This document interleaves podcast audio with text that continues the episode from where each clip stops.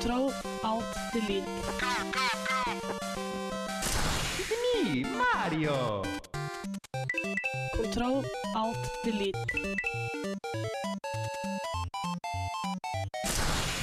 Unable to comply.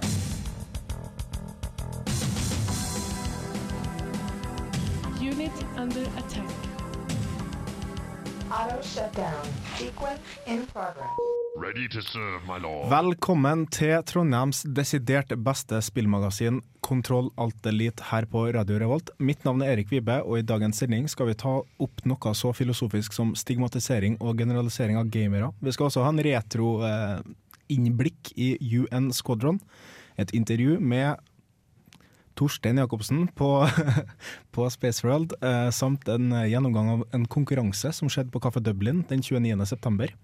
Så jeg anbefaler at du setter deg godt ned, finner noe godt å drikke på, og hører på Kontroll til Her kommer Mongolian Jetset med Bella Lanai.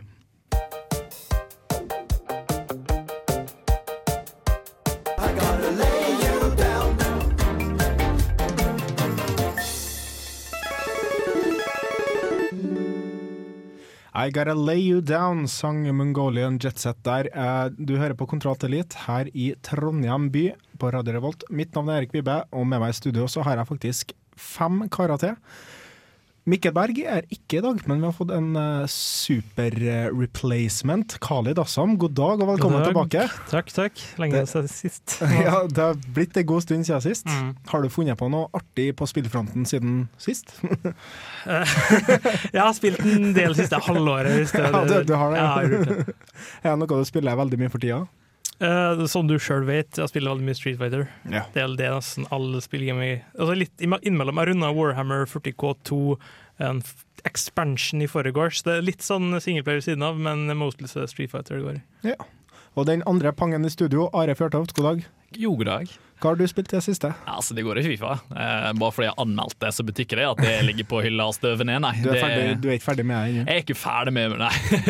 jeg tror ikke jeg blir ferdig med det i 2000 og 11. Eh, jeg, jeg, håper på at jeg blir ferdig med det sånn cirka før det kommer ut nytt. da. Ja. Så det, det, satser vi på. Hvordan det blir når eh, FM12 sammen nå? Uh, da blir det eh, noe jeg liker å kalle multitasking. Fordi heldigvis kommer FM ut på PC, mens Fifa fornøyer seg på PlayStation. Så det, da blir det gøy multitasking. Ja.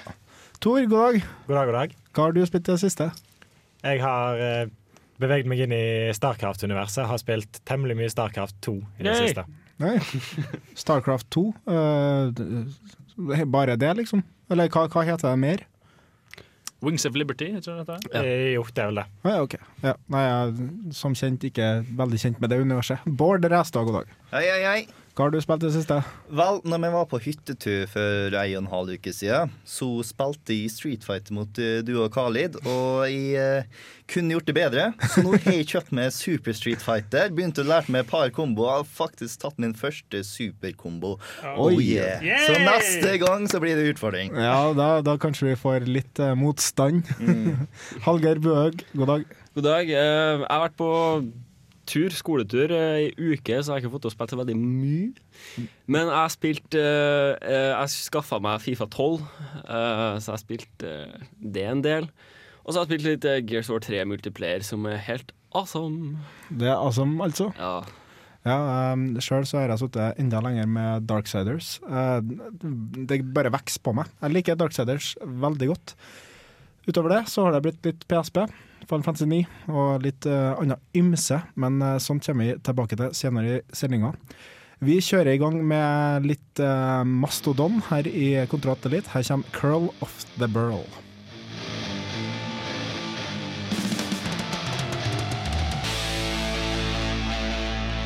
How you doing? This is uh, Sahara Drek, uh, StarCraft commentator. I have not talked to a woman in over a decade, and you are listening to Control Alt Delete. Det er riktig, du hører på Kontroll Elite her på Radio Revolt FM 100 og 106,2. Eh, mitt navn er Erik Vibba, og vi skal akkurat snakke om nyheter her på Kontroll Elite. Eh, det har egentlig ikke skjedd så veldig mye nytt på spillfronten. Det som mer eller mindre har kommet, er bare sånn info om spill vi egentlig vet kommer fra før. Den største eh, om what the fuck barbecue, eh, som jeg kaller det, er Mass Effect 3 har annonsa multiplayer. Først så tenkte jeg herregud, nei. og etter det så sa de at hei, dette er bare coop, det er ikke noe sånn her mot hverandre-greier. Da tenkte jeg ja, OK. Er det noen andre som har noe innspill på dette? Are? Det hadde vært dritkult om du drev og løpte rundt på Battlefield, og så gikk du opp til en fyr. Altså, da er det sånn, ikke coop, men sånn mot hverandre. Og så trykker du bare sånn, så har du masse sånn valgalternativ. You can kick him, you can call him a slut, you can kiss him. Og så trykker du på en, og så utvikler det sånn lange battler om hva sånn valgmulighet du skal ta for å vinne battlen. Men eh, jeg er helt enig, Mass Effect 3 multiplayer funker ikke. Det, det har vært litt morsomt da når har har gjort en sånn type eh, Gears 3 multiplayer med sånn executions eller pakker. Du har liksom fått et litt sånn annet perspektiv og greier om du liksom kan rive av hodet til Shepherd, liksom. Det, det blir jo ikke det samme spillet. Nei, det blir ikke det. det går ikke, men Coop OK. Bård? Eh, Coop var egentlig noe jeg aldri har lyst på, men sånn som BioWare har gjort det, så har de i hvert fall gjort det riktig. Det er ikke riktig at det skulle varme, men måten jeg gjorde det på Du spiller ikke som Shepherd, du spiller som noen helt andre. Det er utafor selve historien, og det er Coop som er historiefokusert og ikke poengbasert, så sånn sett riktig, fortsatt ikke nødvendig. De har jo klart det på en måte bra med at det ikke er noen sånn form for versus multiplayer, og du spiller coop. Men det jeg syns det er litt teit, er at du kan påvirke historien i singleplayeren med å spille coop. Å ja. Du Kan du det? det. Ja. Okay, Du er kan drøyt. påvirke det såkalt galactic readiness i hermetegn med coopen. Okay. Men du kan komme deg gjennom hele greia som singleplayer. Du må ikke spille coop. Eh, jeg ser for meg her, her Det blir jo litt sånn som Portal. Altså, Portal 2 hadde jo coop, og, og når jeg så det først, så tenkte jeg at det her blir jo litt rart. For at du spiller jo liksom som en enslig person gjennom hele eh, Portal. Campaign. Men så når de gjorde det i Portal 2, så var det jo bare wow, jeg skulle ønske at Portal 1 òg hadde en coop-mode, for at dette her er jo helt freaking awesome. Og det kan godt hende at uh, coopen på Mass Effect 3 òg blir sånn at du tenker wow, jeg skulle ønske Mass Effect 1 og 2 hadde en likens. Vi tar mer om det senere i Vi må bare skyte en ting. Okay. På den lyseste sida, nå kan du styre en Krogan. Ja. Yay! Yeah. cool. uh, neste, Skyrim sitt worldmap ligger nå ute. Er det noen som har fått uh, tatt en kikk på det? Er det stort? Det var stort, og det var russisk. Ja, det, var, det var russisk nettside som lekka det, så det var liksom vanskelig å egentlig få med seg hva plassene het. da. Ja, men eh, det, det, det ser stort ut. Eh, Det er nå i hvert fall en god del byer, og det ser spennende ut. Fjellene var små på kartet. Ja. Men jeg- Det må være et godt tegn. ja, de, de kommer til å bli store, tror jeg. Ja. Altså, sånn som de lager de spillene her, så kommer det til å bli digert. Og så har vi den eh, lille Goliat mot eh, David-historien, eh, som den har utvikla seg til å bli. Eh, hele Betesta og Mojang mot, med de Scrolls-navnet har jo nå egentlig vært eh, helt perverst, for det virker seg som eh, Betesta sier at det Mojang ikke gir hele saken, og Mojang sier hei, vi utfordrer dere i Quake 3 istedenfor å faktisk gå til, gå til sak mot dere. Eh, det er noen som har kikka på dette? Uh, ja, jeg har det. Og selve saken handler jo om at uh, Mojang skal lage et spill som de kaller for Scrolls. Og, ellers, og altså Bethesda sier at det kan de ikke gjøre, fordi det ligner for masse på Elder Scrolls. Og jeg er for så vidt enig med begge to i denne saken, her, for Bethesda sier òg at eh, det er egentlig ikke så mye det at vi føler at spillet her blir en trussel mot merkevaren vår, som at vi føler at vi må beskytte merkevaren vår, og ikke minst beskytte merke, andre merkevarer for framtida. For at det skaper jo en viss presedens, ikke sant, om du, om du eh, lager et spill, eh, og noen andre får la, ta noe som heter nesten det samme, og så sier du det er greit, og da kan andre gjøre det òg med andre spill. Mm. Men vi kommer tilbake til mer nyheter etter uh, Pupkulis og Rebekka med Icy. Ça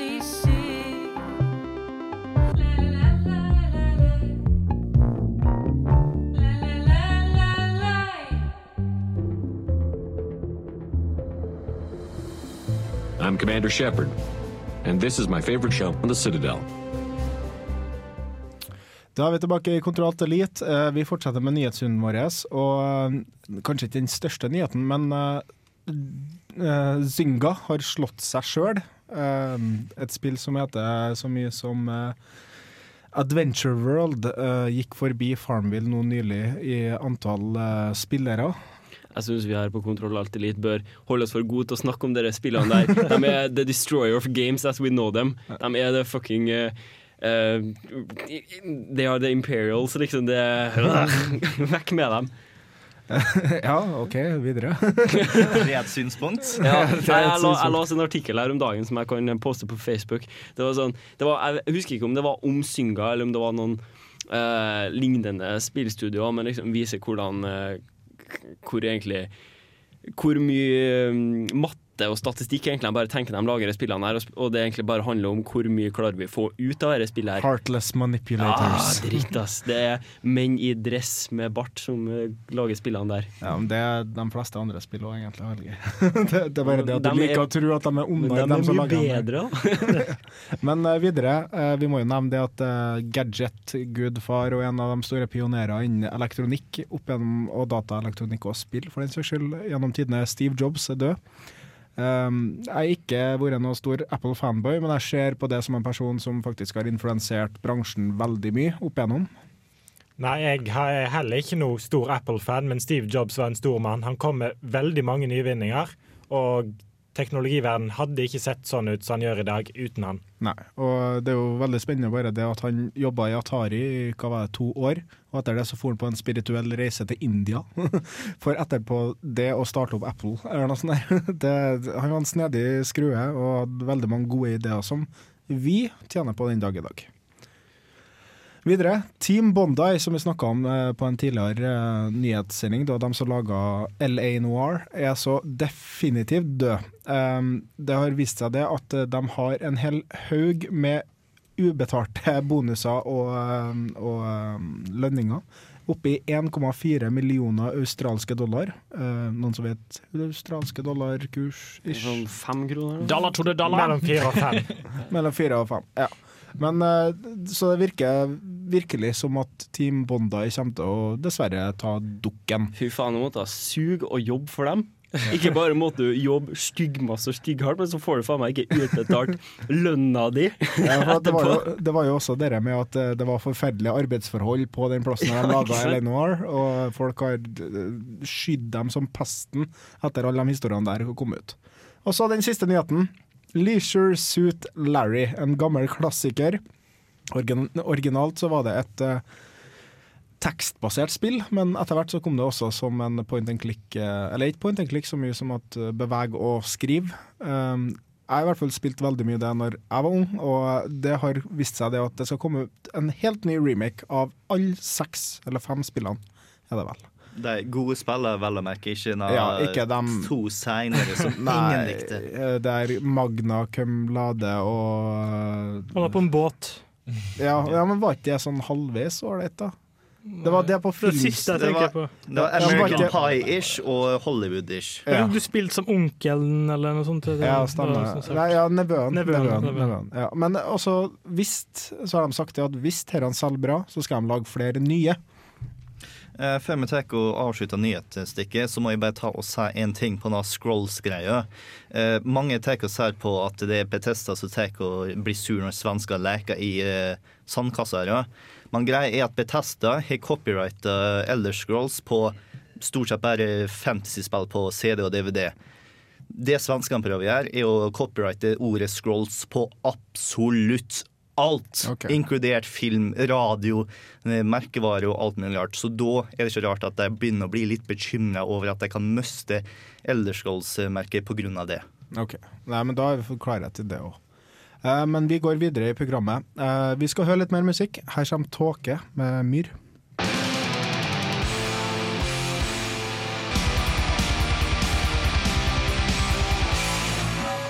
It's Retro Gamer! Kontroll Alt Elite gjør et dypdykk i spillverdens historie og presenterer spillklassikere fra gamle dager. Retro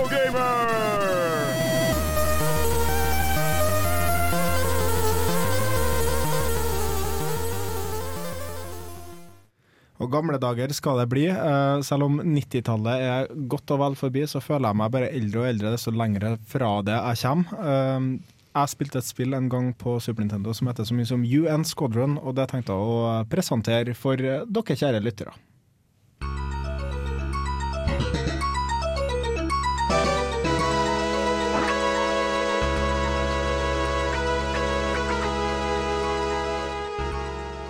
Produsert i 1989 av Capcom og gjenutgitt til Super Nintendo i 1991.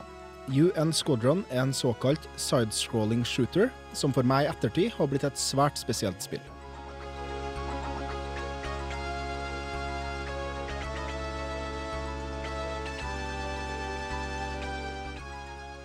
UN Squadron var det andre spillet jeg fikk til min Super Nintendo. På den tida var jeg annenhver helg til far min, og det var der Super Nintendoen var stasjonert. Gjennom alle årene jeg kjente far min, så var han aldri noe interessert i spill. UN Squadron var det ene unntaket. Om det var fordi jeg likte spillet, eller fordi han faktisk likte det sjøl, får jeg nok aldri vite. Men nå og da fant han ut at han ville spille en level.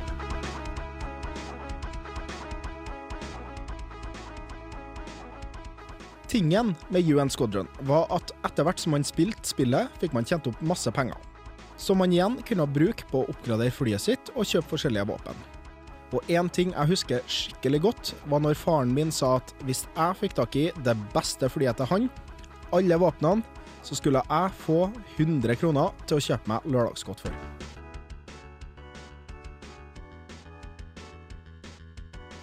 Jeg tok imot utfordringa og satt igjen med det beste flyet og 100 kroner i handa etter mange timer med spilling. Det han ikke visste, var at jeg også bare hadde ett liv igjen, men når han merka det, så var jeg allerede på vei til kiosken.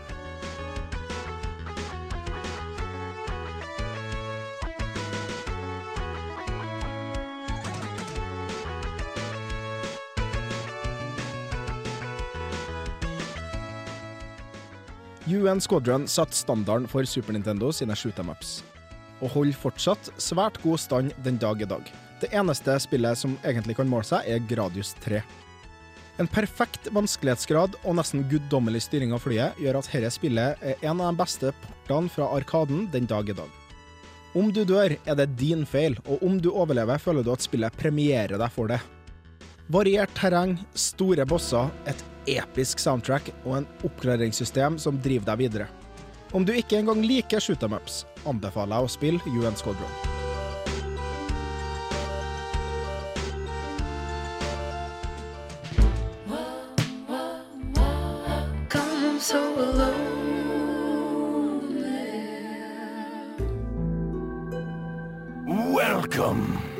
A selection of good things on sale, stranger. What are you buying? Ah, an awesome choice, mate. Ah, not enough cash, stranger. Og den lyden markerer stipendtipset her på Kontrat Elite. Nok en gang så er det den eh, guddommelige tiden i måneden for hver en student her i Trondheim, hvor eh, 16. hver måned så får vi litt mer penger enn vanlig. Og da skal vi jo selvfølgelig stå behjelpelig til å fortelle deg hva du kan bruke de pengene på. Bortsett fra fyll og faenskap.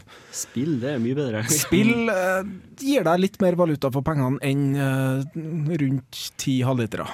Men i hvert fall, Bård, hva har du funnet til oss i dag? Vel, jeg har funnet ut at eh, når det er massevis av releaser, så er det ikke like mange tilbud som det er når det ikke er så masse releaser. Merkelig nok. Folk har lyst til at du skal kjøpe en ny spiller istedenfor gamle. Uh, Game har veldig veldig lyst at du har et medlemskort, fordi at da får du 100 kroner rabatt på masse rart. For eksempel Heroes of Might and Magic får for 349, Spiderman for 499 og eh, Pro Evolution Soccer for eh, 449 dersom du har medlemskort. Og dersom du har fint lite å gjøre neste uke, så kan du kjøpe enten Dark Souls eller Rage og ta og levere tilbake til eh, deg innen 21. oktober og eh, få tilbake 350 kroner. Så du ender opp med å bare bruke 99 kroner på det. Du bør faen meg ha lite å gjøre hvis du tror at du klarer å runde Dark Souls på den tida der. Vel, det er godt mulig at du bare gir opp innen den tida her. Så. Ja, kanskje det like greit å bare levere det tilbake. Not only will you need cash, but you'll need guts to buy that. Eh, På platekompaniet så har det også en god del eh, rabattprosenter her nå. Eh, 360 spiller har massevis av eh, 20 og 40% rabatter der. Så vær kjapp, fordi at det varer ut til søndagen. Ah, a choice of an avid collector. Og på Space World så har de kanskje ikke så mange spilltilbud der når man har spillting. Du får Angry Birds sånn eh, smartphone dock-høyttaler til 799. Og eh, Amiga eh, Commodore 64-kontroll med 25 spill fra hver konsoll til 299. What are you buying? Og på GameStop så har de midnight launch av Battlefield 3. Så dersom du har veldig veldig lyst til å spille, så forhåndsbestill det der nå. Og så møter du opp kvart på eh, kvart på tolv den 26. oktober da. I see you have an eye for things. Og så har vi selvfølgelig Steam, hvor du kan ta og kjøpe Diablo 2-kron Titan Quest til 2,5 euro. Eh, Duke Nukem har nå datt ned til bare 10 euro. Oi. Og eh, Metro 2033 kan du få til 6,5 euro. Og du har også noe, Are? Ja, fordi eh, samme eh, plattform, altså Steam, selger et helt nytt spill som heter eh, Orcs Must Die, som så ufattelig gøy ut. Skal gå hjem og Det kom ut i går, så jeg har ikke rukket å kjøpe det ennå. Til 10 euro. Eh, absolutt. Play.com også har sine kjøp to Nei, eh, jo, eh, to spill for 25 GD, GBP, altså Great British Pounds, yes. til 25, eh, altså Great British Pounds. Så det er gratis frakt i hele verden. Play.com. Jeg kjøpte Uncharted 1 og 2 for den prisen, for å si det sånn. Stranger. what you need that for? Og eh, til slutt tar jeg ikke et stipendtips, men det er bare et tips generelt. Jeg la merke til at nå på lørdag klokka tolv så kommer Mats Eriksen til å signere nye boka si på Outland. Oi, oi, oi. Yes, så har dere lyst til å møte han, så er det bare å stille opp, da. En av Trondheims store sønner, og det burde dere virkelig få med dere. Han er da tegneren til M, og en eh, flott kar etter hva jeg har fått hørt. Vi går videre i programmet. Eh, her kommer Evidence med You. Is that all, stranger? Come back, stranger, stranger. Evidence med You der, altså. Eller eventuelt ikke. Eh, jeg kan også ta og påpeke at lørdagen klokka tolv så er jeg vegg i vegg med Mats og jobber på game. Så har du lyst til å snakke med meg, så bare ta en tur innom dit nå. jeg er ikke like awesome som eh, Mats Eriksen, men jeg har et ganske likt skjegg. ja, se der. Men eh, da skal vi se om vi får i gang Evidence med You. Nei. Nei. Men da får vi bare snakke videre. Eh, det kommer nok snart nå, så dere får bare holde hatten klar. Hold i hatten. Må ha på seg hatt når man skal høre på musikk. Eh, Når du skal først høre musikk. My så music må hat. Men eh, jeg kan også nevne det at eh, jeg så i hvert fall eh, at det er THQ-uke på Steam, eh, Mm. så du får masse bra eh, spill fra THQ. Jeg tror ikke de har sluppet noe, noe tilbud på Space Marine. eh, Space Marine var ikke den pakka, nei. Nei. Men eh, det var en gigantisk pakke hvor den originalt har kosta 100 euro, så nå koster 50 euro. Ja. Der har du uh, Homeland, eller hva heter det igjen? Homefront? Homefront, uh, Company of Heroes, Titan Ja. Quest og en hel av andre ting. Og hvis du har lyst til å sjekke ut Heroes of Mind Magic, så skal jeg anmelde det til neste uke. Ja, og det blir steinbra. Etter litt tekniske problemer så skal du endelig få evidens med You.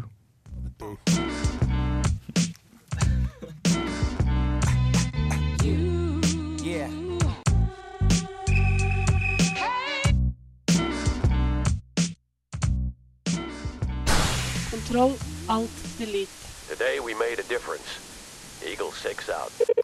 Da var vi tilbake fra studenttipset, og eh, vi skal gå videre til Uh, en liten sak om Fifa og eh, det Fifa-miljøet som finnes i Trondheim. For at tydeligvis så er det et ganske stort et.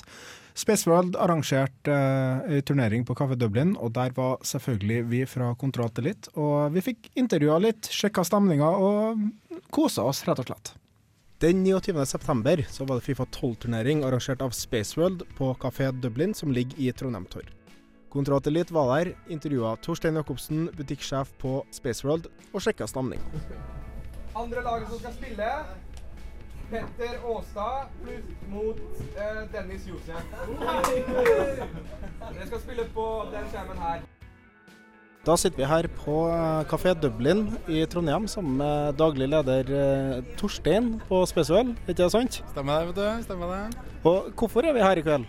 I kveld så er det en lite event med Fifa 12. Eh, spillet kommer til salgs i morgen, og da bestemte vi oss for å ta en Fifa-turnering i kveld. Og så har vi nattåpent, da, kan man si. Så man selger spillet når passerer, klokka passerer tolv. Så det er litt artig for å gjøre noe annet for en gangs skyld. Jeg husker at dere hadde Tekken-turnering når det kom ut. eh, Tekken 5, er det noe dere gjør jevnlig når det er sånne kompetative spill, for å kalle det? Altså, vi, vi prøver å få til så mest mulig turneringer og eventer som det går an, så lenge folk er interessert i det. Eh, så tipset mitt er at hvis folk er interessert i at vi skal gjøre noe, si det til oss, så vil vi gjøre det. Hvis det er mange som spør om det. Er det et miljø for eh, sånn eh, spilling i Trondheim? Så absolutt, med at det er så mye studenter som er her. Og det, Trondheim er en av de beste spillbyene faktisk i hele Norge. Det ser vi på alle salgstall fra spesielt Space World, Så er det ekstremt mye gamere som bor her i Trondheim. Ja, Det er godt å høre.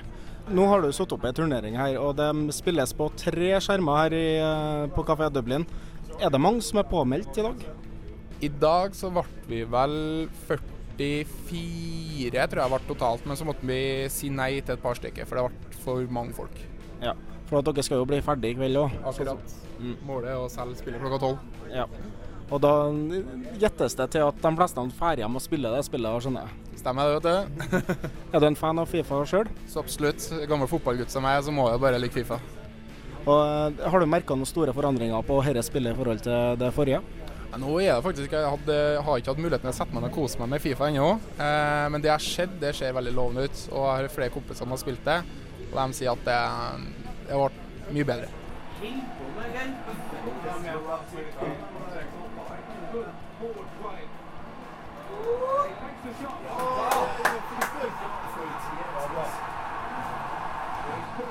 Nei, men uh, tusen takk, Torstein Jacobsen. Og uh, vi håper at dere fortsetter å uh, ordne arrangement for oss gamere her i Trondheim.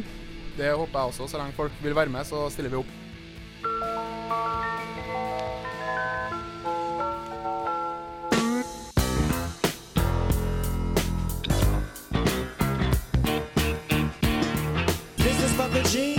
This is for the hustlers. This is for the hustlers. Now back to the G.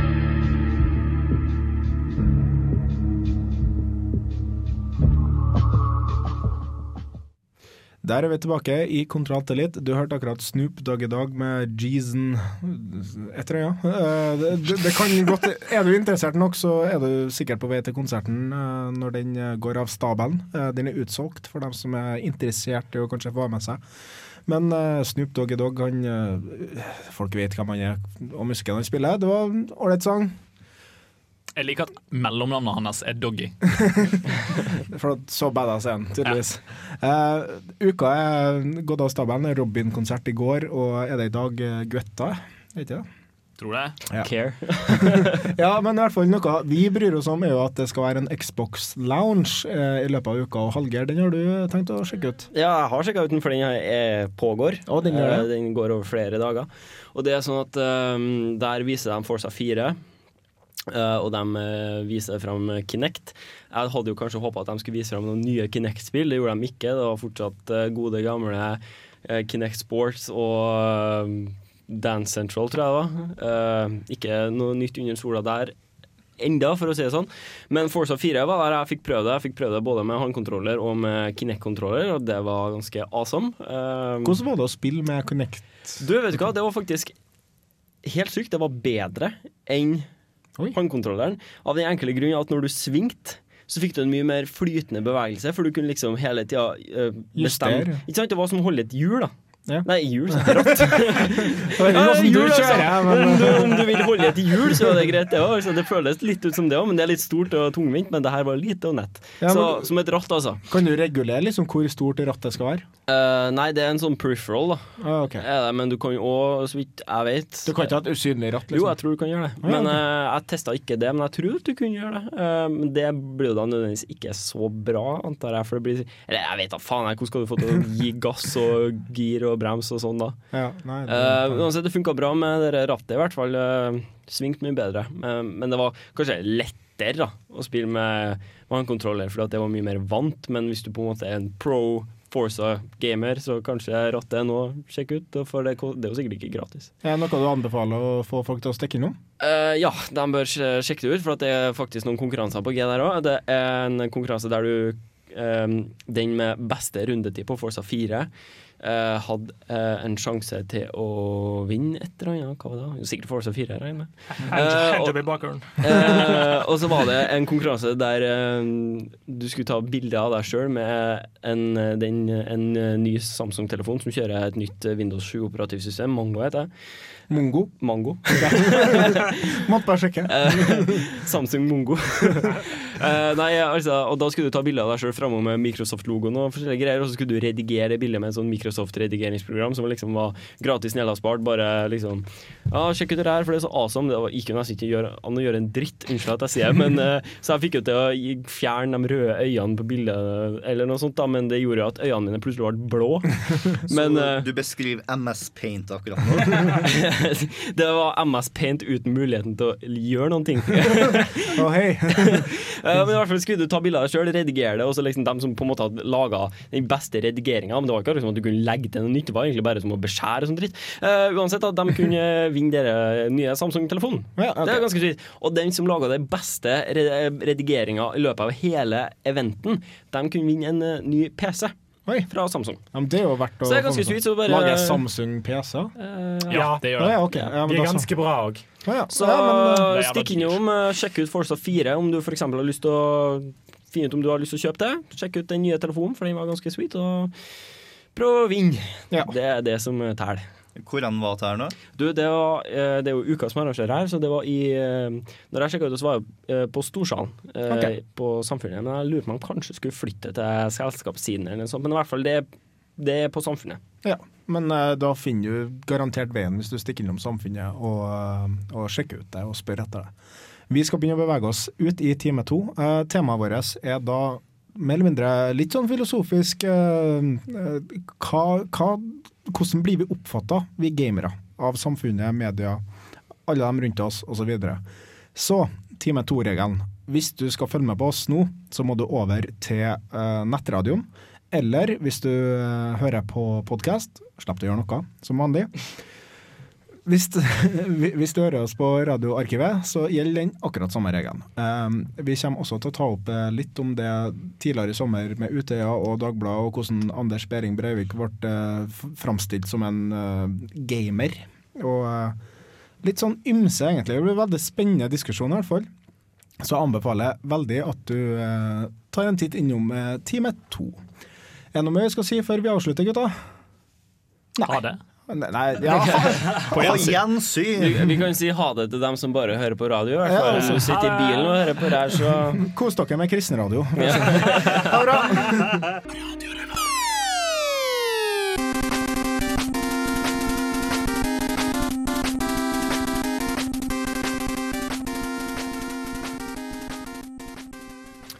Der er vi endelig inn i time to, og litt mer eh, løssluppen nå. Vi har gjort unna alle nyheter og alt som egentlig burde gjøres i et radioprogram, og vi er tilbake i podkastmodus, som alltid. Dagens tema er mm, rett og slett hvordan blir gamere oppfatta av samfunnet i eh, sånn som tingenes tilstand er nå. Eh, Vi vet det for en fact at eh, gamere har faktisk gjennomsnittsalderen eh, 17 til 32 år, mener jeg å si. Og, eh, Det var ganske for- bred gjennomsnittsalder. ja, ja, nei, men altså Hva skal stå står det her? At eh, 20 av alle videogame players are boys under the age of 17. Og det vil jo tilsi at eh, Og 26% av eh, samme massen er igjen over 50. Altså average gamer age er 34 år. Men igjen så klarer jeg å forestille meg at media klarer å framstille oss som 16 år gamle gutter som kaster kniver mot hverandre i tape i, uh, tape i CS og slåss om vi ikke får det sånn som vi vil, og får alle spillene vi noen gang ønska oss. Media tror vel fortsatt det samme som de har trodd de siste 30 årene. At uh, vi gamere, vi er kvisete små dustemikler som sitter inne på rommet vårt fra klokka er seks til klokka er seks, skal jeg si. Og ikke gjør noe annet enn å bare sitte på framme med PC-en med en colaflaske og en Grandis, og når vi ikke spiller, så er vi inne på 4chan og leker Anonymous, liksom. Det som er så artig, det- hele definisjonen til media med hackere òg. Anonymous og fortsatt hackere. Ja, hackere altså, de er jo sånne som jeg akkurat sa nå. Ja, den og den definisjonen av hacker òg blir jo bare feil. Hackere er jo ikke folk som sitter med masker hjemme på rommet sitt og, ninja, og ninjakode.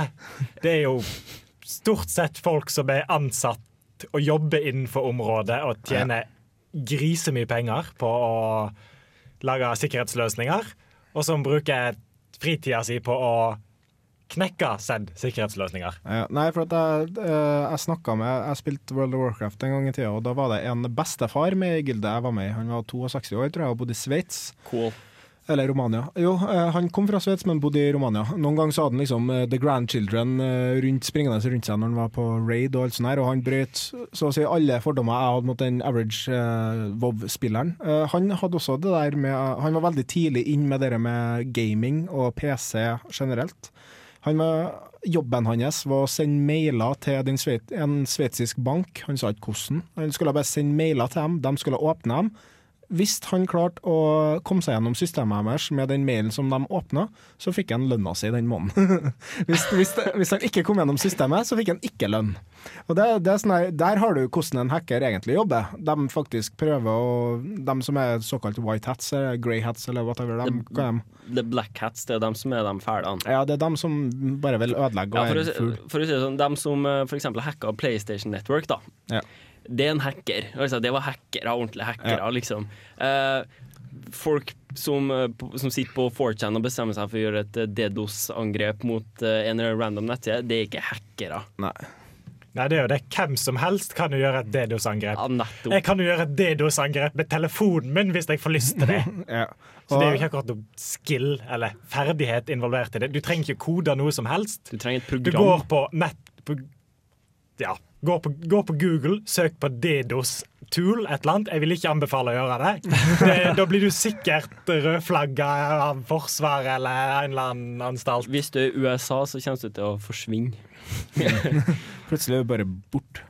Men uh, det, det var jo en XKCD, en komikk uh, på nettet, som hadde en sånn her greie med at eh, hvis det- den vanlige personen ser på TV-en, og han ser eh, A Pentagon eh, webpage has been brought down by hackers, så står det liksom eh, Da er første panelet så er det at eh, en person ser på og liksom står 'Hackers! Oh my god! eh, Her er det noen som virkelig kan dere med hacking', og de har tatt ned ei Pentagon-side. Herregud! Og så ser vi i andre panelet en hacker som faktisk ser på saken. Altså 'Somebody tore down a poster on a wall', mer eller mindre. For det er så vanskelig egentlig å ta ned ei hvis du faktisk kan hva du holder på med. Men uansett, tilbake til det som egentlig var temaet. Vi som Hva var temaet nå igjen, da? vet du Nå deraila jeg litt her. Um, Det som jeg har tenkt å uh, presentere her, da, det er forskjellige situasjoner hvor man kan bli sett litt ned på. uh, I og med det at man faktisk holdt på med spill. Jeg jobber som jeg nevnte før på en barneskole, og når jeg sier hva jeg holdt på med i fritida mi, som hovedsakelig er å spille TV-spill, så blir jeg sett litt sånn å ja, ja. Nei, men det er jo, det er jo kultur, det òg, på en måte. Og de prøver liksom å uh, justifye hva jeg holder på med gjennom hvordan jeg kommer til å snakke om det. da. Uh, men uh, er det noen som har vært borti noe lignende hvor du rett og slett har blitt sett litt rart på?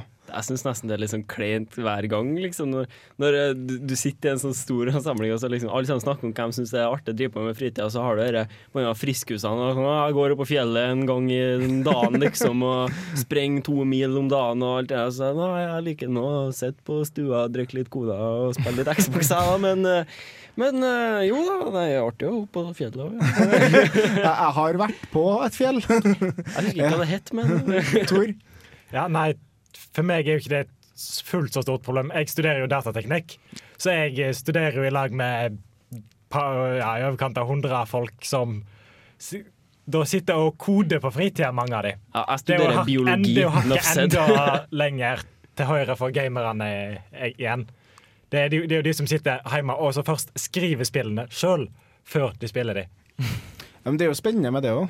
Faktisk, det er bare lagspill. Nei, men min sosiale verden siden jeg begynte i videregående, har egentlig bare vært nerder. For eh, jeg gikk i medie og kommunikasjon på videregående. Nerder. Det var sånn at Jeg lærte meg Vov uten å ha spilt Vov, Bare man sitter attmed folk som snakker om raid og alt sånt der nå. Og så etter det så har jeg jobber hvor jeg jobba på game i to år. Og så nå tar jeg og studerer filmvitenskap, hvor alle sammen tar og er nerd om det er film eller spill eller hva det er. Mm. Og så er i her og i Kontroll Alt Elite, så eh, min sosiale krets er nerder. Så når folk sier rart på meg fordi at de spiller, så sier de rart på deg fordi at de sier rart på meg. Altså, altså jeg er litt eh, Jeg føler ikke helt at eh, den sosiale stigmaen er så synlig i, i Europa. Uh, forskjell på amerikansk spillkultur og, og europeisk spillkultur. For det andre så er det at um, ja, folk ser ofte ned, snakker ned til, kritiserer en slags sånn uh, usynlig um, samlet masse, altså hva spill er, og disse spillene førte avhengighet, fyr på dem. Men jeg tror veldig få personer stigmatiserer enkeltpersoner, og det handler om å møte folk. Da. Altså, hvis jeg begynner å legge ut om eh, stats til en person som ikke har peiling, selvfølgelig vil jeg bli sett rart på, for det er en rar ting å gjøre. Ja. Du går ikke bort til en fyr som ikke har hørt Jim Hendrix før og begynner å snakke om B-sidene til Jim Hendrix. Du møter han on the middle way, du snakker om Zelda Mario. Ja, det- det, det- og, da, og da sånn. får du aksept. For det handler bare om at altså, hvis du er en elitist, eh, så sorry, Mac. Ja, nei, du, du kommer ikke noe langt med det. Nei. Um, for at vi, selvfølgelig, jeg, jeg starter ikke en samtale jeg, når jeg er på en fest eller whatever. Jeg sier ja, i studentradioen jeg jobber i et spillprogram. Og så spør de hvilket spill du spiller, så sier jeg ikke med en gang Suikoden 4, liksom. Eh, det, det er ikke det første som kommer. Eh, Så vi har nok litt av skylda der, vi òg. I og med at eh, vi må presentere et, det mediumet som vi er så veldig glad i, på en litt bedre måte enn vi kanskje har gjort før, da. Eller i hvert fall Man burde rett og slett bli bedre på det. Men igjen så er det kjedelig å snakke om Mario òg. Ja, men altså, jeg, jeg prøver å unngå det på fester, sånn folk hører at jeg driver med sånt, og så begynner de å snakke om Mario. Og det er greit, jeg, måtte jeg driver samtalen litt, så prøver jeg enten do- dodge hele opplegget eller eh, komme Altså, jeg liker ikke å snakke om Mario og retro-opplegg, jeg gjør ikke det. Men, eh, men altså, sånn er det. det er som, hvis folk sier til meg at de liker å gå i fjell, da er altså, jeg er en sosial person og sier ja men, ja, men det er jo hyggelig det, og bra for kroppen. Altså, det, Ja, ja, det- De prøver å gjøre det samme med deg, og det er basically det der. Ja. Nei, men uh, da har vi i hvert fall kommet et lite stykke på vei. Jeg tenkte at vi skulle snakke litt om det med hva en nerd er. Uh, rett etter uh, Alex Jones, Digidis, uh, om, nei med, Secret Monkey Island, Voodoo Roots, Grog, en OC remix.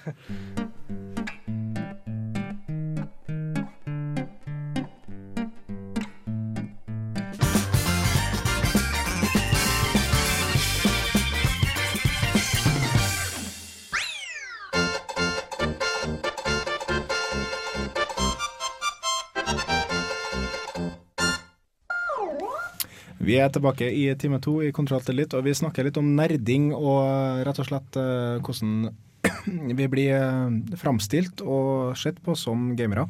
Det er kanskje ikke så stigmatisert som eh, mange opplever. Eh, som Khalid nevner, så er det mer hva man gjør det til sjøl òg. Man trenger ikke å framstille seg sjøl som en eh, blodnerd, selv om man kanskje kan- Nei, selv om man kanskje er det.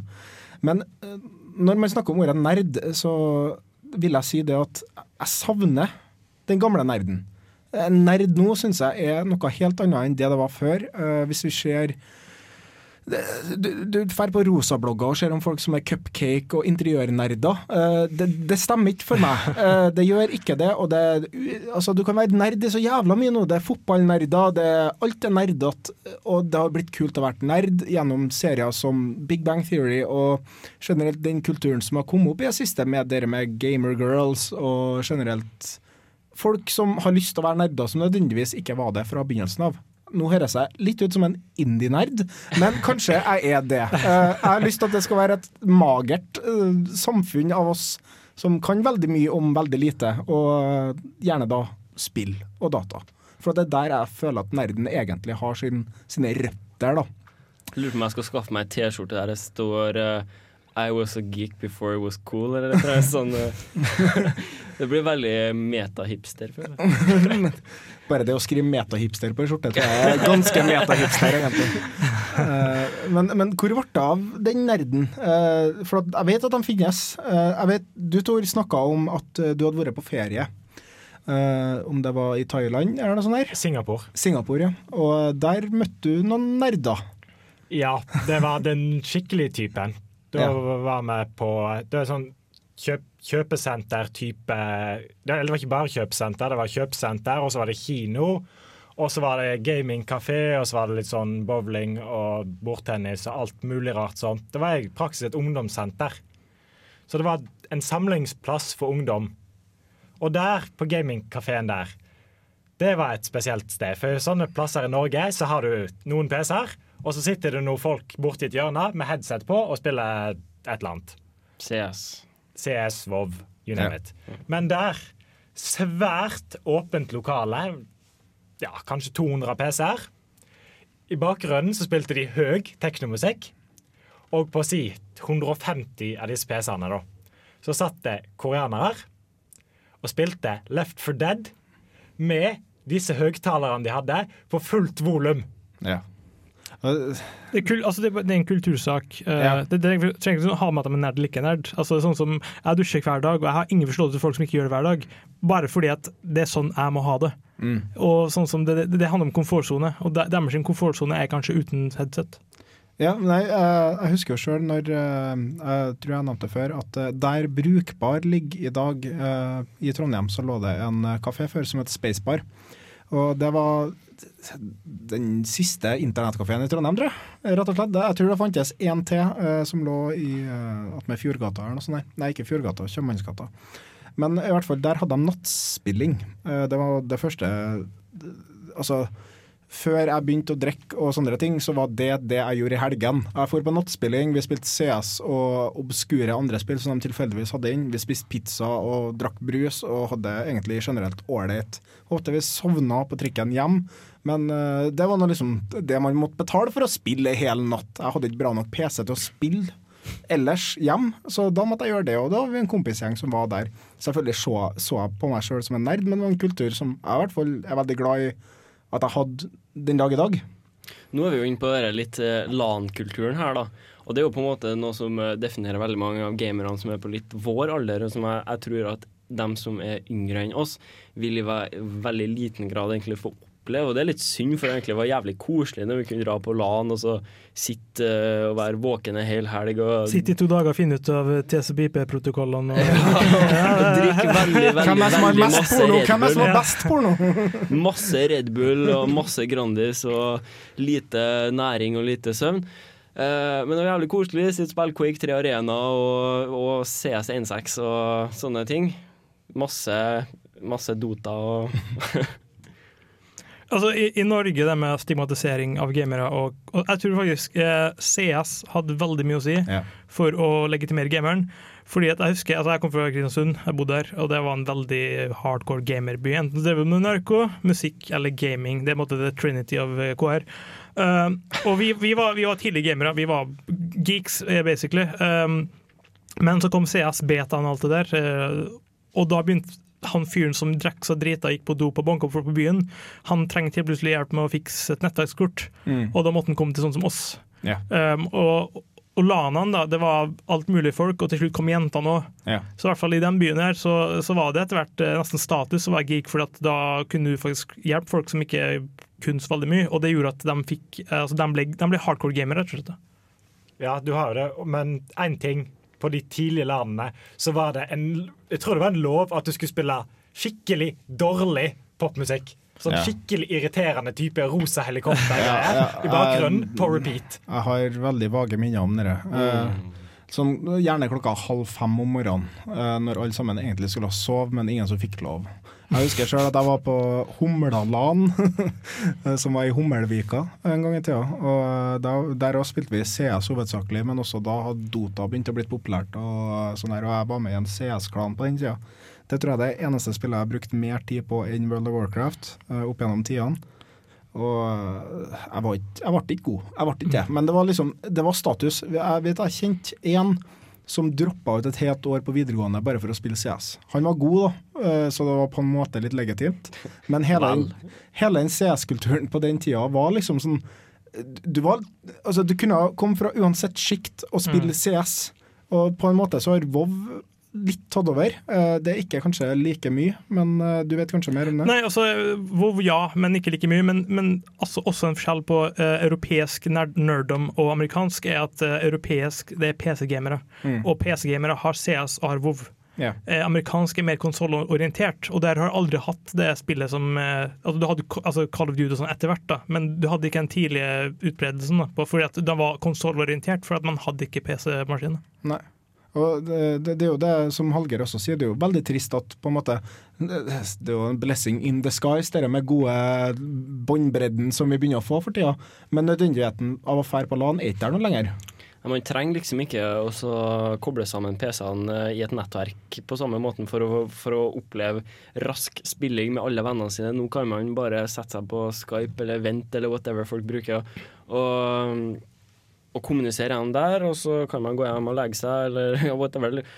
Og man, den kulturen da, forsvinner, selv om muligheten til å spille på samme måte er der. Og så setter du, og hvis du sitter der på hvert sitt rom og spiller, så setter du opp den andre skjermen til å vise videokonferanse eller noe sånt, så du fortsatt ser alle med sånne små bilder. Et eh, kontraargument er at eh, laptops har gjort at eh, det opprettholdes. Folk gjør det fremdeles fordi det er mye enklere å gjøre det. Um, og nummer to er at vi er ikke lenger i en euforisk spillestadie hvor vi er villige til å ofre tre dagers søvn for å game litt sammen. Um, det, den fasen er over. Uh, jeg, jeg kommer ikke i buksa hver gang jeg kjøper nytt spill. Det gjorde jeg da jeg var ung. Altså, bare, Ja, det, er ikke, det er ikke like stort lenger. Nei. Nei, jeg husker sjøl når jeg var på en av mine første land, så var jeg en som hadde fått en eh, 21-tommers skjerm som ikke var LCD eller noe sånt, her, for det fantes ikke på den tida. Uh, og hver gang han skrudde på skjermen sin, så flikra jeg lyset rundt om på rommet. og, eh, altså, det var sånn her eh, Den laga en sånn lyd at uh, du, du bare så at det var, det var ei sikring som var nesten klar til å gå akkurat da. Men vi fortsetter med litt Megaman 9-musikk. Her er Will Rock med Megaman 9, Showdown og OC, Remix-sang her òg.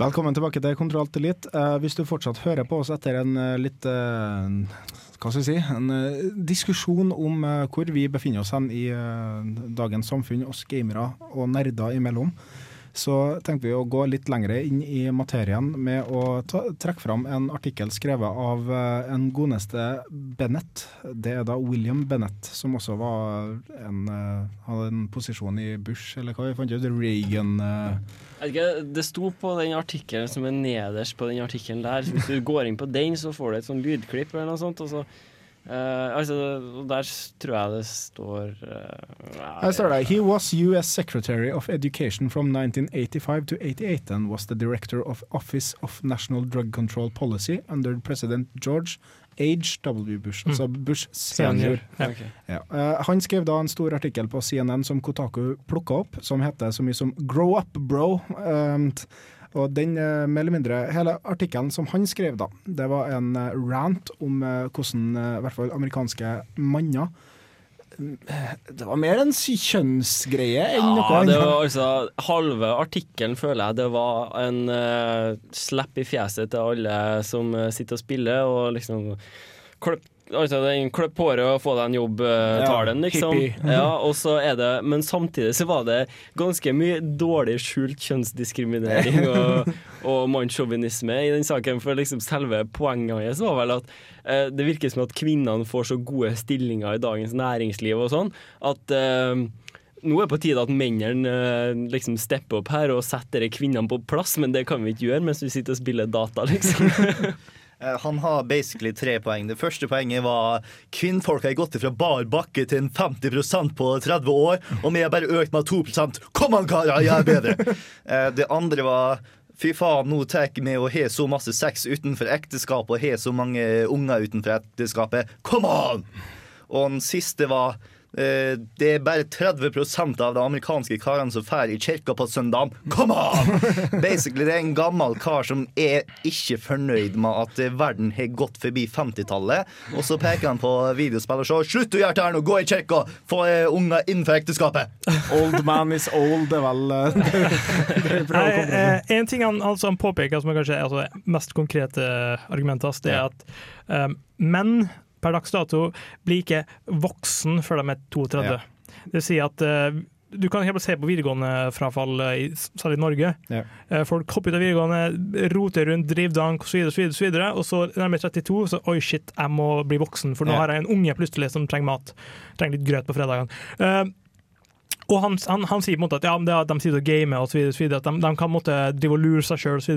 Men mest sannsynlig så har de mye, mye mer komplekse samfunnskonsepter enn som så. Og som andre er at vi blir kanskje ikke voksne før vi er 32, for vi trenger ikke å bli voksen før vi er 32. Nei, I hvert fall i dagens samfunn i forhold til når han var ung. Nettopp. Så sånn. han, altså, ja, sure, man, eh, man dro på båten man var 19, og så var man uh, Conan the Barbarian resten av livet. Back in the days. Men altså, jeg skal jobbe lenger enn min foreldregenerasjon. Ja. Så sånn sett så eh, Det er bare Det forandra samfunn. Og han eh, har lyst på en syndebukk, og han fant jo en tre, som ble nevnt. Ja, og En av argumentene hans er jo det at eh, dagens 18-34 år gamle mann bruker mer tid på å spille video, eh, altså videogames enn eh, dagens 12-17-åring. Og Det er jo et argument som kanskje stikker litt djupt, uh, føler jeg. Uh, jeg vet at jeg bruker mer tid på spill nå enn jeg brukte når jeg var i den alderen, men det er fordi at jeg faktisk har penger til å kjøpe spill nå. Og dessuten, da fikk jeg ikke lov. nå er det ingen som passer på meg, så nå sitter jeg opp til klokka fire om natta hvis jeg vil. Men det, er jo, det har jo litt med det å bli voksen, det å faktisk klare å ta ansvar over sin egen tidsbruk. Jeg vet det at eh, jeg kommer til å sove mye mer om mamma faktisk har sagt nei, nei, nå, nå må du legge deg, enn jeg faktisk gjør nå. Men det er jo ikke noe man har lyst til å oppleve for det. Det er greit, det er lov å flytte ut eh, fra mor si, sjøl om det kanskje ikke går så bra de første årene. Ja, nei, eh, og han går jo videre til å si The founding fathers believed and the ed ed evidence still shows that industriousness, marriage and religion are a very important basis for male empowerment and achievement. Men The Grounding Fathers spilte aldri Street Fighter. De Så de, ikke de har ikke peiling. Vet du hva, det har vært så mye lettere. Det, jeg synes det, er det gode gamle argumentet med the founding fathers som de liker å bruke i Amerika. Det er litt sånn, her snakker vi om folk som kom inn og liksom bare ja, her vil jeg bo, så da skyter jeg dem som bor her. Og Det var liksom prinsippene de levde etter. Og jeg føler, hvis du skal, hvis du liksom skal Nå gjør vi som de gjør. Ja, De gjør jo litt fortsatt det i USA, men sånn, eh, ja, vi skal ikke gå inn på den. Men eh, de levde da. Vi lever nå. Dette founding fathers blir eh, brukt på samme måte som et sånn maktprinsipp i amerikansk i hvert fall sånn debatt. da, På samme måte som om Jenny McCartney kan stikke av med 'as a mother'. Og Mm. Det er sånne ting man sier før man faktisk gjør noe for å eh, høres jævla viktig ut, når det egentlig ikke er det. Altså, bare, bare sånn for, altså, ja, han er en douchebag, alt det der, men finnes det patologisk spilling? Ja. Uh, finnes det folk som spiller for mye og ødelegger livene sine? Ja, det er garantert. Det finnes massevis av dem. Så det, det er et problem. Det er et problem, men det er ikke et problem å løse på ved å rante og si at det er spilt sin feil. Det er et problem altså, gamere internt og med hjelp av eksperter må hanskes med på andre måter. Og det vil alltid være et problem uansett hva du gjør med det i alle samfunn, wherever, norever. Det er jo folk i Kina spesielt som har spilt seg i hjel. De har rett og slett bare sittet for lenge uten å ha spist noe eller drukket noe og bare krepert foran PC-skjermen. Men jeg tror ikke det hjelper at noen står der og sier Eller står der oppe, høyt oppe og ser ned på deg. Nei, ikke gjør sånn. Gjør sånn som jeg vil. Ja. Du må gå til dem og si at dette her kanskje ikke er så lurt, og tilby dem hjelp for at det skal hjelpe. Ja, og det, det apparatet har jo kommet mer og mer i dagens samfunn. Du har sånne ting som kan hjelpe deg med spilleavhengighet. Og jeg vet at eh, dem som får reklamere på sånn juletider og sånn her om spilleavhengighet i Norge, de tar ikke bare liksom kronesautomaten og tippekupongen, de tar faktisk det vi kunne ha kalt spilleavhengighet òg. Så hvis du vet noen som sliter med det, så er det bare å ta kontakt med dem. Men uh, det andre poenget mitt uh, datt helt fra meg. Uh, så vi går til neste ting. Hva var det, da? Nei, det var Dagbladet-saken som kom i sommer. Ah. som ble skrevet av til sammen hva var det? fem journalister, nei, seks journalister, var med på denne saken som heter så mye som 'Slik var massedrapsmannens liv på nett'. For at Nå husker jeg på poenget mitt. Her var, skulle være en Segway, egentlig, som det heter så fint. Eh, for at det er de historiene media har lyst til å framstille. De, eh, den koreanske gutten som stakk han andre i øyet, eller kasta en kniv eller noe sånt for at han tapte i CS. Ja, men det var en reell sak en gang i Ja, ja, ja, og det, det- samme om han som spilte seg til døde, liksom. Ja. Eh, nei, altså, bare for Du sier Dagbladet. Eh, med Pressfire, som også er Dagbladet sin spillseksjon, kommer Ja. jo også med en ekstremt god eh, tilbakekritikk. Ja. Som sier altså vi er gamere, vi er voksen, vi har penger, shut the fuck up. Vi, vi styrer livet vårt. Ja, om, om ti år så er det vi som sitter i makta. Ja. Så ja, det, altså, det, altså, han sa måte, vi, vi er ikke barn lenger, kan ikke bare drive og herse med oss. Så, så igjen, så, sånn sett så er samme medie har kommet med en for Ja, og mot. Pressfire, Pressfire skrev seg jo helt fra den artikkelen der. De sa dette tar vi avstand til, dette er noe vi ikke fikk noe eh, tilbud om å være med på. Det, vi, de hørte ikke med oss i hele tatt. Og det er veldig dårlig gjort av Dagbladet, syns jeg. Men eh, husker jeg helt feil nå om eh, ikke den artikkelen først het noe annet? Den het 'Her trener massedrapsmannen på, på Det er riktig. eller noe sånt? Ja, den, eh, den den ble skifta etter ti minutter eller noe sånt. Ja, det, det var drøyt, ass. Ja, det tok ikke lang tid, men jeg mener vi har et screenshot av originaltittelen liggende i en mailtråd. Eh, det kan godt hende. Ja, jeg tror det, jeg tror det. Eh, jeg er ikke sikker på at den er i akkurat denne tråden, men eh, vi kan i hvert fall Sånn den er nå, da. eh, den ble redigert mye etter den lanserte på sida. Men eh, jeg ser her, eksempel, så, sk eh, så er et bilde av at han eh, ABB tar og spiller World of Warcraft, og så står det 'skriver at han får inspirasjon fra spill'. Anders Behring Breivik har en hodeskalle over sin figur i World of Warcraft. Og for oss som faktisk har spilt World of Warcraft, så er det ofte et bilde på den som er den du skal følge, eller den du skal følge med, altså den personen. som mest sannsynlig så var en raid-leader, et eller annet sånt her. Eh, Det er komplett irrelevant til hva hva eh, bildeteksten egentlig prøver å implisere. Da. Og eh, jeg ser også at de har bytta et bilde som er det største bildet på artikkelen. Spilte også dette spillet, og da ser vi også at vi ser et bilde av Modern Warfare, at han skyter noen stakkars folk i ryggen. Før så var det et bilde av at han spilte en mage i World of Warcraft som skøyt på, en, eh, på en eh, monster i Molten Core, tror jeg var. Mm. Og da sto det bildeteksten eh, 'Her skyter Ber Anders Behring Breivik i spillet World of Warcraft'. Skyter. Mm. Og du er en mage som kaster frostbolts, liksom. Eh, Det er så søkt som det i hele tatt går an. Hadde nå i minste spilt Hunter. Men, du nevnte at det var fem forfattere. Ja, seks. Sannsynligvis nettopp fordi de vet at det er så dårlig og så søkt at de trenger for første en slags eh, defense. Da, at Ja. Du vet ikke hvem du skal kritisere. Og for det andre så er det at eh, desto flere så skaper mer legitimitet. For det virker som at ja, her har et bredt panel satt seg ned og vært enige. Så det er en slags en forsvarsmekanisme, antar jeg. da. Ja, det er jo sånn, for hadde det vært én person som hadde stått bak den artikkelen, så hadde det vært veldig mye lettere å si at øh, OK, verden funker ikke sånn, du er, ligger litt bak og er egentlig en tulling. Ja. Men hvorfor i hele tatt å legge opp en sånn artikkel? Lesere. Det er veldig mange som har vært inne på den saken. Jeg skal garantere det. Og det er du- det som eh, selger reklame. Så du tror det er bare klikk, rett og slett? Alt er klikk. Altså, En avis er en, et, et hefte med reklame hvor du skal selge reklamen ved å legge ting mellom dem. Alt handler om klikk. Mm. Det er en, sorry, en kynisk realist, bare så hvis, hvis det er noen snille lyttere som ikke har lyst til å være sånn. Det er nå også det, den tilstanden Norge var i rett etter Utøya, hvor vi var alle sammen ute etter svar på hvordan faen skjedde det her nå.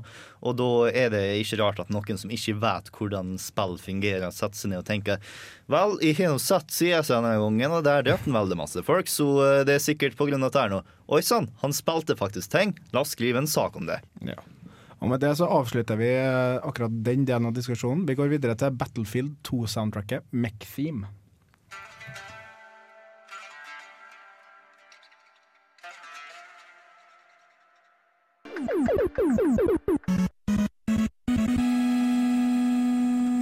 Der er vi tilbake etter en lengre diskusjon om noe som aldri burde ha skjedd. Eh, Men vi har eh, etter en liten trist ting, så kan vi ta en liten glad ting, føler jeg. Det passer godt. Du hører fortsatt på Kontroll litt, forresten.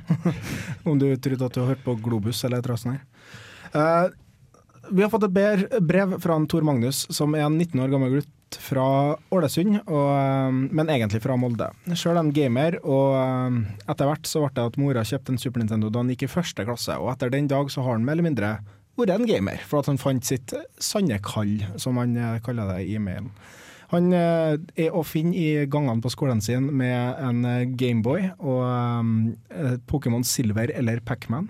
Dere har gitt den et rykte, og det er nok, hvert fall noe jeg kjenner igjen fra når jeg var i den alderen, for da fantes jeg under ei trapp i ungdomsskolefriminuttene og spilte Pokémon Trading Card Game, eller Magic The Gathering. Og jeg malte også miniatyrer, og jeg var han personen. Men heldigvis, som også Tor Magnus nevner, så har han også flere etter hvert som danner danna den vennekretsen som han i dag kjenner. da.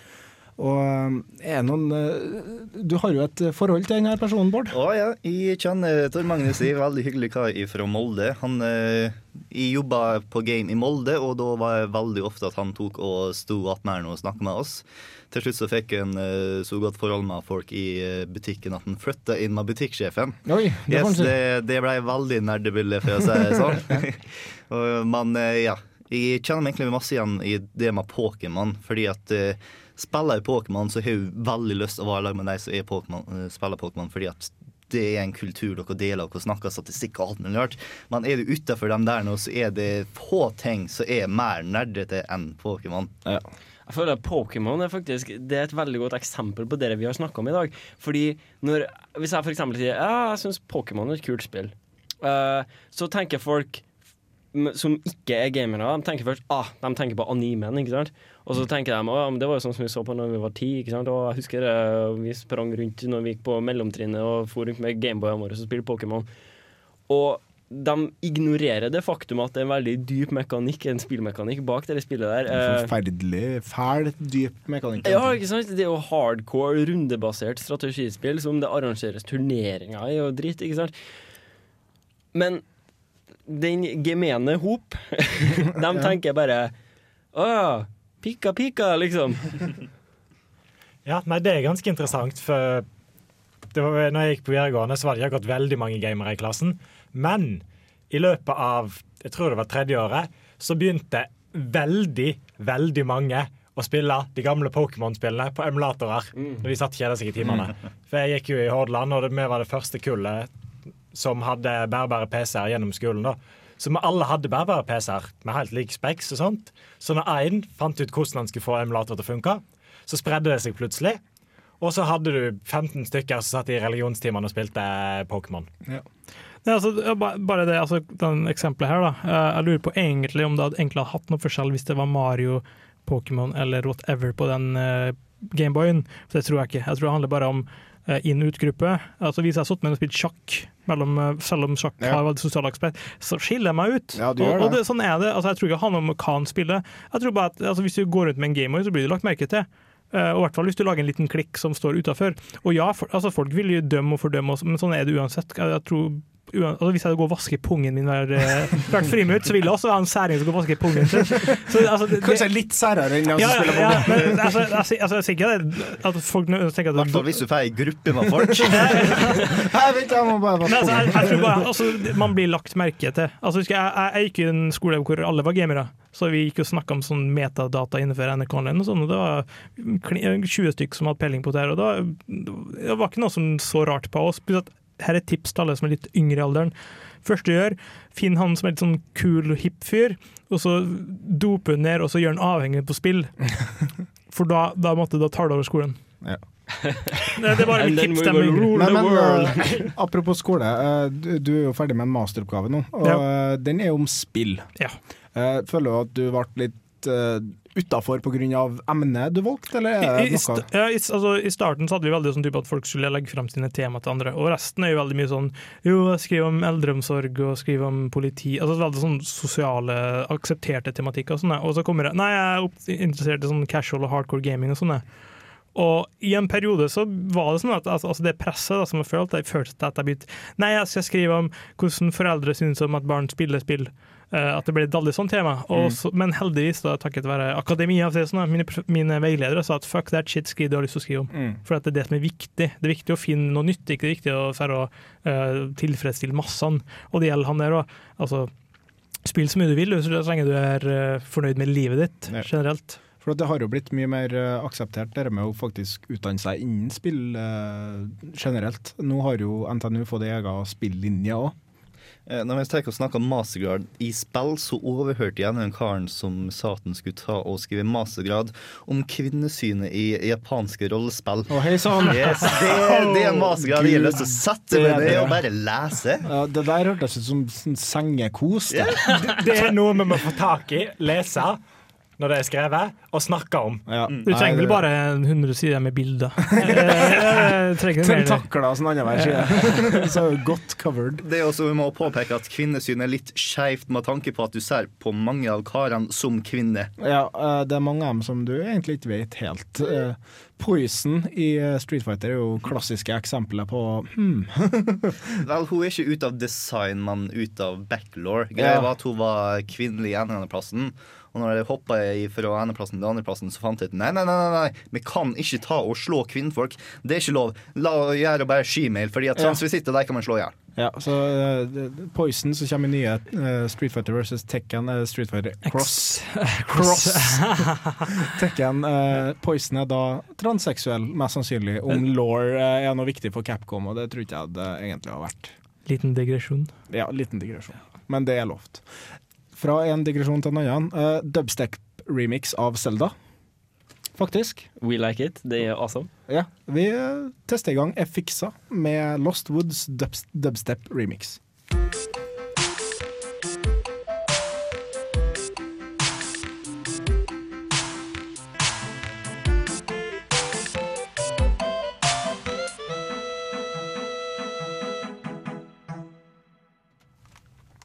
Da er vi tilbake. Um, det var Effixia med Lost Woods dubstep remix. Jævla ålreit uh, versjon av uh, Lost Woods-soundtracket fra Selda Ocarina of Time, om jeg ikke tar helt feil. Um, Det står det faktisk på coveret til plata, akkurat det du sa der. Ah, okay. Sånn terningkast fem. Det her, er- det her er et jævla ålreit eh, cover av Selda Zelda. Erik Vibe kontrollerer litt. Vet du hva, det har gitt så absolutt ingen kred. men men jo, trivelig, trivelig. Hvordan er det å være tilbake i studio, Khaled? Ekkelt å høre min egen stemme. Du syns det? Ja.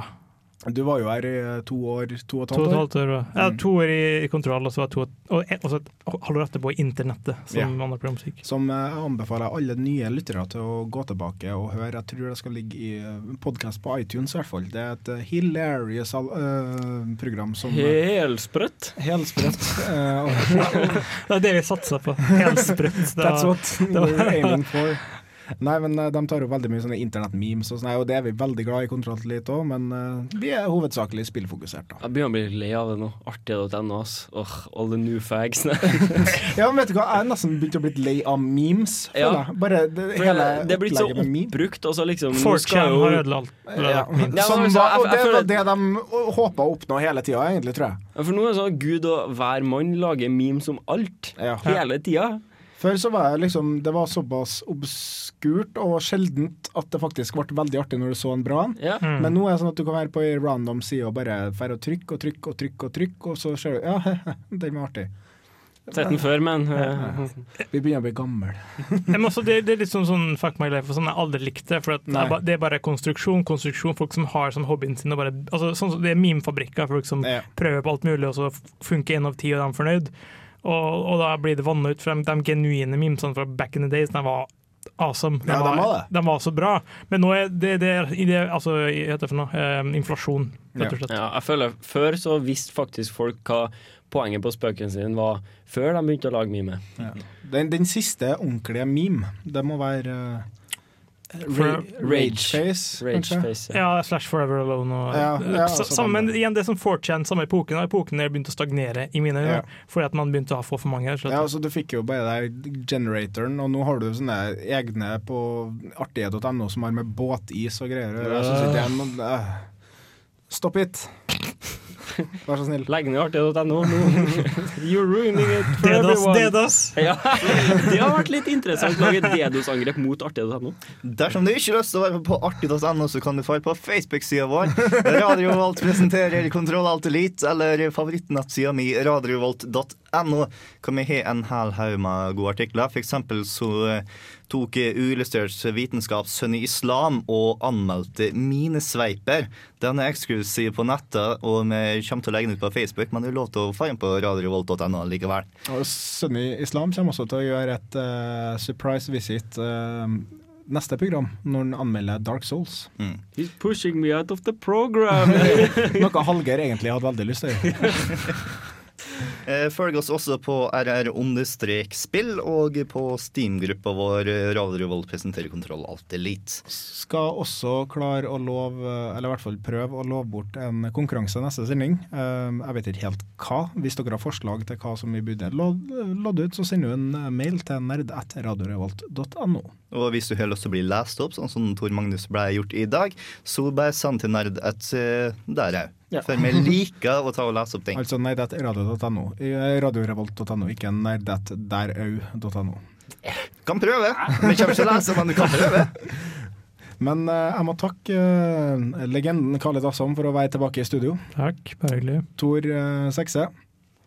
Bård Restad. Vel bekomme. Hallgeir Buhaug. Å, det var så hyggelig, sa og vår kjære tekniker, som jeg ikke kjenner på navnet. Tusen takk for oss. Ha det bra. Ha det bra.